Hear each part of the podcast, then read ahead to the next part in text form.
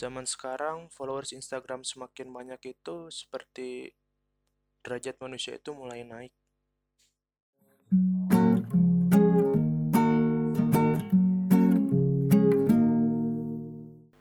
Oke semuanya, selamat datang di Rumah Kecil. Jadi, pembahasan hari ini adalah mengenai dampak sosial media di lingkungan masyarakat. Kemarin gue melakukan survei kepada teman-teman gue tentang apa sih dampak sosial media dalam kehidupan mereka. Rata-rata jawaban yang mereka berikan adalah jawaban-jawaban yang negatif. Benar nggak sih? Sosial media bisa memberikan pengaruh yang buruk bagi masyarakat sekarang? Nah, dari realita ya, realita Instagram gue contohnya dari snapgram snapgram yang mereka bikin itu rata-rata kayak uh, mereka itu lagi makan di foto terus ketemu orang lama yang baru udah lama ketemu udah sekitar misalnya tujuh tahun nggak ketemu. Kalau ketemu itu yang mereka lakukan itu bukan langsung nyapa. Mereka ngambil HP buka Instagram bikin snapgram terus dada-dada sambil kamarnya itu dihadapin kepada orang yang mereka ketemuin itu. Hey apa kabar? Terus dia upload dan di tag orangnya. Apalagi kalau lagi musim kayak lebaran. Kalau lagi kayak sekarang nih gue rekaman lagi momen lebaran haji.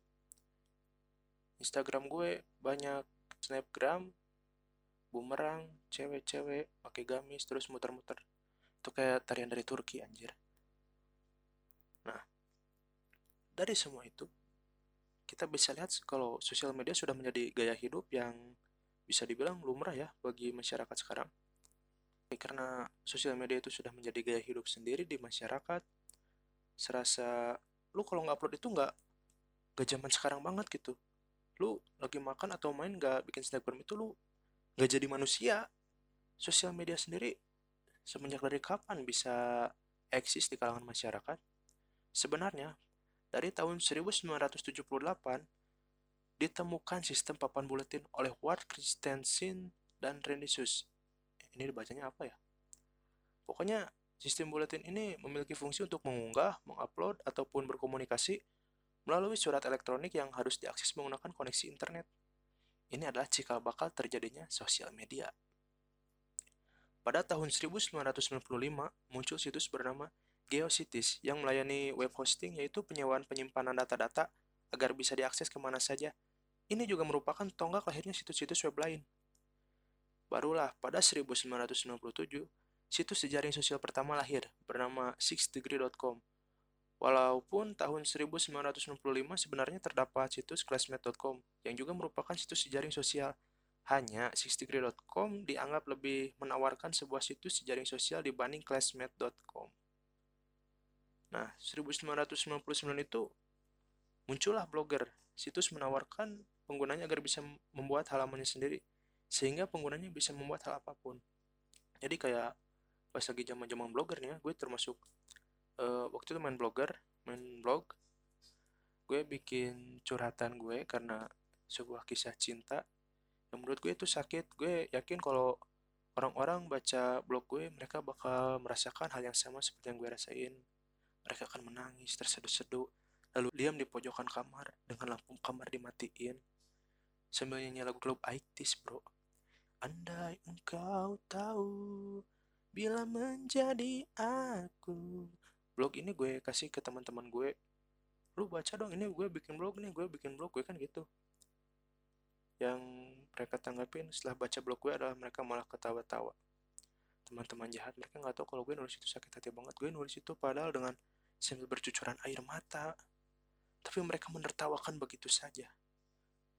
Oke, gue jadi mulai curhat ini. Lanjut dari blogger, tahun 2002 uh, eh, muncul Friendster, situs yang menjadi trigger fenomena keberadaan sosial media.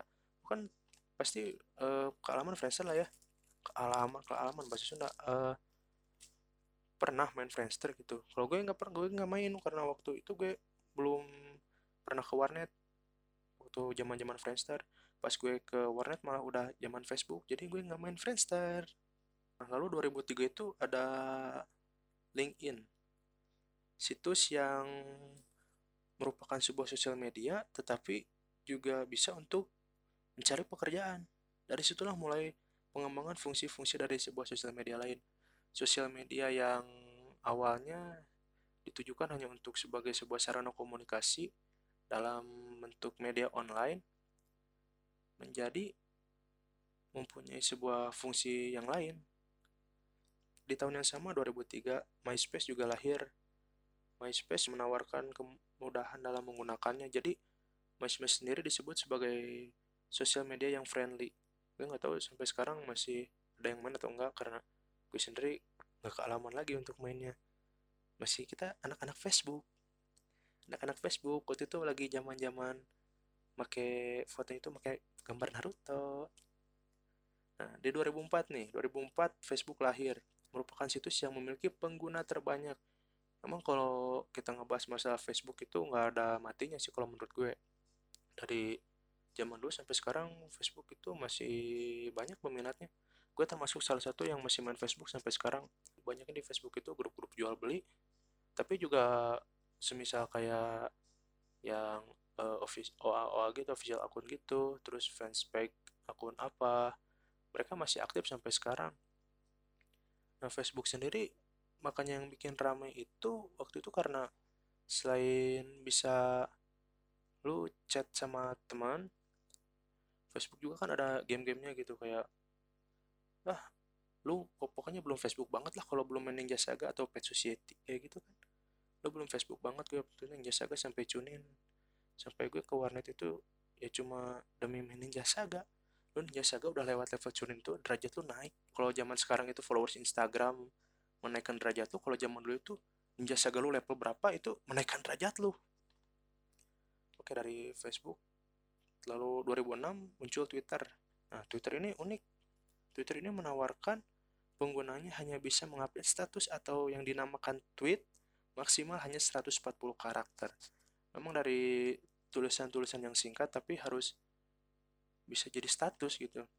Sebenarnya ini melatih otak kita bagaimana caranya kita mengungkapkan sebuah perasaan atau sebuah isi pikiran hanya dalam 140 karakter huruf?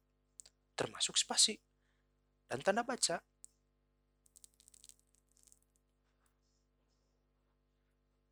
Twitter sendiri yang bikin ramenya itu uh, karena pasti ada Twitter artis. Lu follow twitternya nanti kalau lu diwaro sama artis itu wah waktu waktu zaman gue main twitter itu sama anak-anak SMP semakin naik lagi derajat lo dari kalau Facebook itu Ninja Saga yang bikin naik kalau Twitter itu adalah ketika lu diwaro sama artis. Itu yang paling hebat.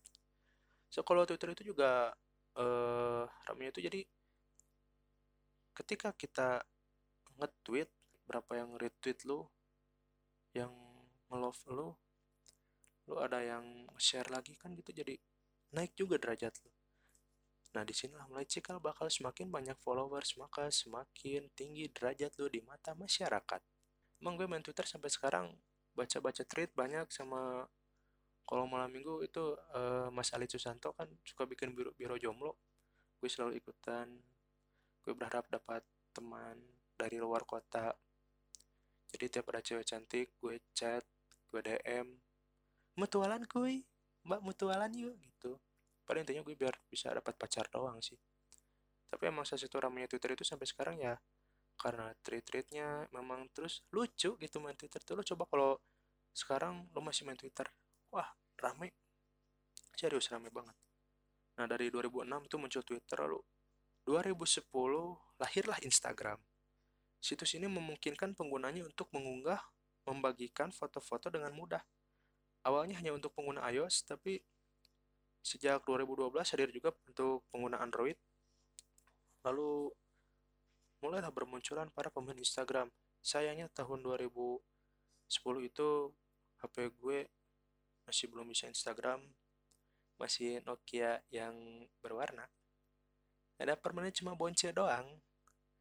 Lo kalau belum pernah main bonce, aduh, lu nggak alright, nggak oke. Okay lu main bonce baru masuk langsung 78 78 98 kebal kalau enggak 78 78 99 pagar terbang.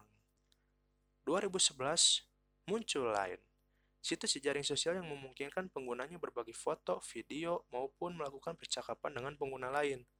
Yang bikin lain itu lebih menarik karena e, tampilan dalam chatnya itu seperti apa ya e, eh, SMS masyarakat dulu kan kalau sebelum ada sosial media sampai kayak sekarang kayak lain WhatsApp gitu kan masih menggunakan SMS ya pasti ada beberapa orang yang mengalami menggunakan Asia yang satu rupiah itu satu karakter. Nah makanya kalau zaman dulu kenapa sih orang-orang suka bikin tulisan-tulisan yang kata orang itu alay? Kayak model lu nulis ya aja cuma huruf ya doang lu nulis enggak itu jadi G. Jadi huruf disingkat-singkat itu bukan karena kita pelit huruf atau gimana, tapi karena kita adalah orang-orang yang menghemat pulsa. Ya, menghemat pulsa sekali memang. Nah, dari lain itu memunculkan juga fitur-fitur seperti ketika lagi chat ada stiker, juga tampilannya juga kan lain itu lebih apa ya bisa dibilang lebih anak muda banget lah, penuh dengan warna-warna ceria, seperti itu. Lalu ketika uh, lu nge-like status orang lain tuh pakai stiker stiker sedih itu kan asik banget pokoknya lain juga. 2011 lahir Google Plus juga. Awalnya diluncurkan hanya untuk orang-orang yang telah diundang Google. Hingga setelah itu Google Plus pun diluncurkan secara umum. Gue pernah main Google Plus sekitar hanya sekitar dua hari karena nggak ngerti mainnya gimana. Itu juga gara-gara gue lihat kalau member JKT48 gitu lo pada main Google Plus gue jadi ikut main gara-gara gitu. Nah jadi penggunaan sosial media di zaman sekarang itu seperti apa sih? Memang sosial media menjadi hal yang lazim di masyarakat. Hampir setiap orang memiliki sosial media masing-masing. Pasti setiap orang kan sekarang punya minimal ya dua sekitar dua WhatsApp, Line, Instagram. Itu jadi kayak apa ya, kebutuhan pokok. Kalau memang punya HP ya harus ada aplikasi itu. Ya gitunya akses yang mudah untuk menuangkan pendapat dan banyak hal yang bisa dilakukan di media sosial membuat orang-orang betah untuk berlama-lama menggunakan media sosial. Media sosial aduh tipe media sosial maksudnya. Mulai dari mencari teman baru terus buat sekedar curhat doang menuangkan isi pikiran membaca berita berjualan masih banyak hal yang bisa dilakuin di sosial media. Tapi dari semua itu ada hal negatif dan positif dari penggunaan sosial media tersebut. Contoh hal negatifnya adalah dijadikan sebagai ajang pamer. Kayak kalau seorang beli barang itu, yang mereka lakukan adalah mereka foto untuk diupload ke sosial medianya. Terus kayak lu lagi main, lu lagi mesra-mesraan gitu kan, apalagi sebagai gue yang orang single gitu lihat lagi main sama pacarnya terus lo foto berdua bermesraan gitu kan itu pamer lo bro pamer nggak suka aku nggak suka yang gitu. Orang-orang pamer itu doza doza. Terus hal negatifnya juga yang kedua itu e, mereka seperti lupa sama privasi mereka sendiri. Contoh kayak lu misalnya e, punya masalah nih di rumah. Lu curhatin lu tuliskan dalam status sosial media lu. Maka kan otomatis orang lain juga bakal membaca dan ya itu privasi lu kenapa lu sebarin gitu jadi kan mereka jadi tahu oh lu orangnya gini gini gini. Oh ternyata keluarganya gini gini gini. Karena menurut gue eh, itu nggak perlu dilakuin. Itu privasi namanya. Terus lo punya masalah sama siapa gitu kan? Lo misalnya punya masalah sama si A nih. Terus lu uh, nyindir dia kan di sosmed. Gue pernah baca di status Facebook teman gue. Dia nyindir orang gini ya misalnya teman gue tuh si B ya dia tuh nyindir si A. Ya dia nyindir si A. jadi si A itu ada masalah sama teman gue itu kan. Nah si A itu suka nyindir nyindir di sosial medianya ke teman gue. Dia nyindir teman gue. Teman gue tahu. Teman gue bikin status di Facebook ini. Jangan suka nyindir-nyindir deh. Aku nggak suka. Emang kenapa sih gak berani langsung? Terus di bawahnya dia bikin hashtag buat yang ngerasa. Lah dia juga nyindir anjir kenapa? Bodoh gitu. Aneh memang. Lalu dampak dari sosial media itu juga banyak bertebaran informasi palsu. Berita-berita hoax yang kayak gitu kan jadi semakin banyak. Kalau waktu zaman SMS itu terakhirnya tuh suka pakai sebarkan SMS ini lima kali jangan berhenti di kamu. Kalau enggak lu akan sial sampai umur 40 tahun. Kayak gitu kan. Itu adalah hoax. Itu hoax SMS kalau hoax di sosial media itu uh, mereka beri, bikin beritanya itu seperti yang benar padahal itu adalah yang patut dipertanyakan. Kita juga malah jadi kalau nggak berpikir, nggak berpikir bijak menggunakan sosial media jadi kita malah main hakim sendiri. Kayak contoh kemarin kasus yang anak kecil yang apa yang katanya dibully sama seniornya. Itu kan netizen sampai-sampai ramai baru-baru bikin hashtag save save anu lah. Karena katanya ini uh, pembulian gini gini gini. Lalu pas ke sana ke sananya kita udah bikin hashtag banyak-banyak. Terus youtuber juga sampai ada, pada datang ke dia kan. Eh terakhirnya kita malah dikibulin wah selamat anda adalah korban prank sama dia sama si Anu. Sama gue juga gue bikin hashtag dia gue bikin hashtag Anu gue ngedukung dia ternyata gue juga kena prank. Hebat. Harusnya dia jadi youtuber anjir. Lalu ada juga ketakutan dalam ketinggalan sebuah tren. Uh, challenge-challenge gitu kan yang lagi tren waktu itu ya kayak waktu manekin kita pada bikin manekin. Manekin, eh, manekin challenge manekin challenge maksudnya. Bikin manekin challenge. Serasa kalau kita nggak bikin manekin challenge itu derajat kita sebagai manusia itu seperti turun. Padahal nggak gitu juga. Mungkin challenge-challenge gitu juga ya meramaikan saja lah cukup. Tidak usah lu sampai ketakutan duh gue kalau nggak bikin ini nanti derajat sebagai derajatku sebagai manusia malah turun. Ya nggak gitu. Kan ada beberapa juga tren yang membahayakan. Kayak contohnya waktu dulu tren foto selfie di ketinggian kayak gitu kan. Sampai ada beberapa kasus orang yang jatuh dari ketinggian itu karena mereka mencoba selfie.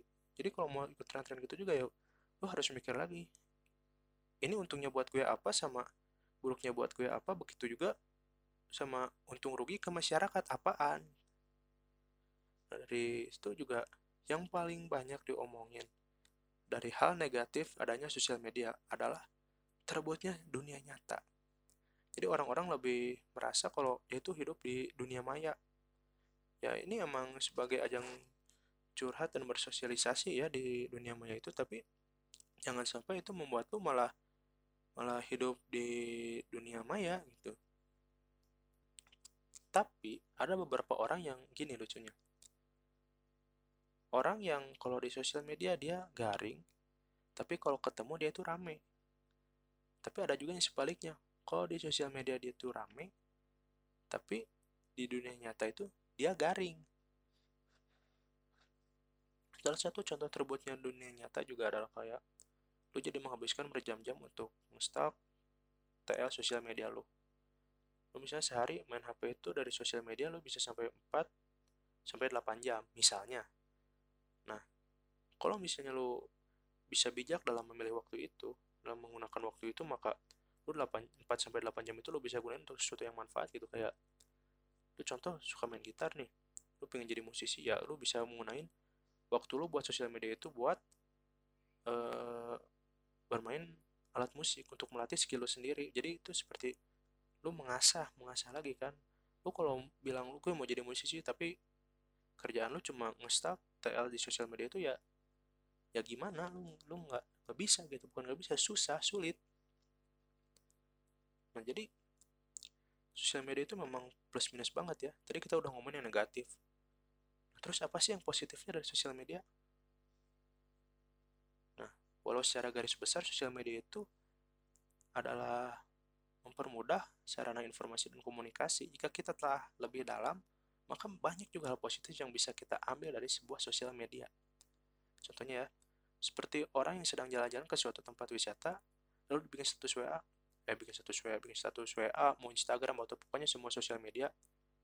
Kalau kita pandangnya secara negatif, ya kita bisa bilang itu adalah perbuatan yang sombong, pamer. Tapi kalau kita pandang kembali, kita ubah pandangan kita menjadi positif, maka dengan melihat satu seperti itu kita bisa bilang kalau dia itu sedang membantu mempromosikan tempat wisata itu. Jadi kan kita sendiri secara tidak langsung mendapatkan informasi tentang tempat wisata itu. Terus lu lagi makan di foto gitu kan. Kita jadi bisa punya info tentang tempat makan tersebut terus rasanya gimana makanannya, harganya berapa kayak gitu. Dari banyaknya juga uh, pergaulan di sosial media sebenarnya ada beberapa yang dari situ membuat sebuah komunitas dan lingkungan baru gitu kayak misalnya lu suka sepatu nih lu tentang suka sepatu gitu kan di sosial media ada grup sepatu gitu lu masuk ke sana lu tanya-tanya.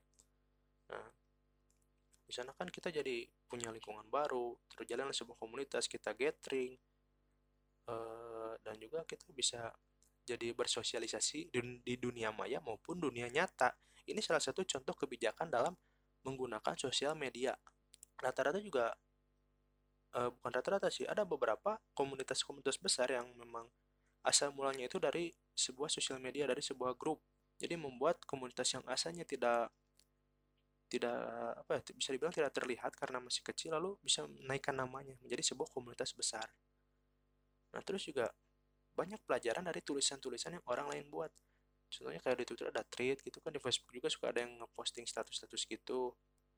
Nah dari sini tuh pelajaran itu maksudnya kayak lu suka fotografi nih lu kan pasti bakal ngefollow uh, orang yang bisa ke fotografi tersebut ke fotografi tersebut. Nah dari situ kan lu bisa follow dia lu lihat hasilnya gimana dia terus lu mikir oh ini gimana sih caranya biar bisa kayak dia hasilnya? Ya lu otomatis bakal nanya kan sama dia terus dia jawab terus kalau misalnya lu suka masak juga kan lu pasti ngefollow orang yang bisa masak yang suka masak juga yang emang apa ya sealiran lah sama lu. Dari situ lu juga bisa lihat ketika dia uh, bikin status tentang resep yang dia buat terus cara masaknya gimana. Secara tidak langsung lu juga malah dapat guru untuk belajar lagi. Jadi sebagai untuk mengembangkan diri lagi. Itu juga menjadi sebuah dampak positif dari sosial media. Dari sini kan kita jika bisa menggunakannya dengan bijak maka uh, sosial media ini seperti sebuah guru online. Kita seperti apa ya bimbel online gitu bimbel online. Kita nggak bayar. Yang penting itu ya kembali lagi karena kita harus bijak memilih uh, konten yang akan kita jalani seperti itu. Solusi menanggapi hal negatif dari sosmed itu apa sih? Ya kan memang dari awal juga gue bilang banyak orang yang bilang kalau sosmed itu nggak baik. Karena kata-kata itu sendiri kita jadi lebih banyak menilai sosmed itu sebagai hal yang tidak baik. Padahal gue udah sebutin tadi kalau ada hal-hal positif yang bisa kita lihat dari sosial media tersebut. Nah, dari sini kita harus ubah mindset kita sendiri. Mindset tentang oh sosial media buruk nih. Nah, kalau misalnya kita pandang dengan positif dengan mindset yang positif, maka sosial media itu bisa menjadi hal yang baik kok gak semua yang ada di sosial media itu buruk memang semua hal juga kan ada plus minusnya. Jadi kesimpulan adanya sosial media ini adalah sosial media memang membantu bagi orang-orang yang hidup di era teknologi seperti sekarang. Jangkauan yang luas bisa kita tempuh hanya di depan layar monitor atau smartphone membuat dunia kita kan jadi terasa lebih dekat gitu Meskipun semua hanyalah dunia maya, pada akhirnya posisi kita masih hidup di dunia nyata. Kalau di kita ibaratkan sosial media itu atau ya kita bisa bilang internet sebagai lautan informasi, maka kita jangan terus berada di dalamnya. Kita juga harus pergi ke darat, yaitu dunia, dunia nyata, karena posisi kita hidup itu di darat, bukan di dalam laut. Oke, palingan cuma segitu saja diskusi hari ini.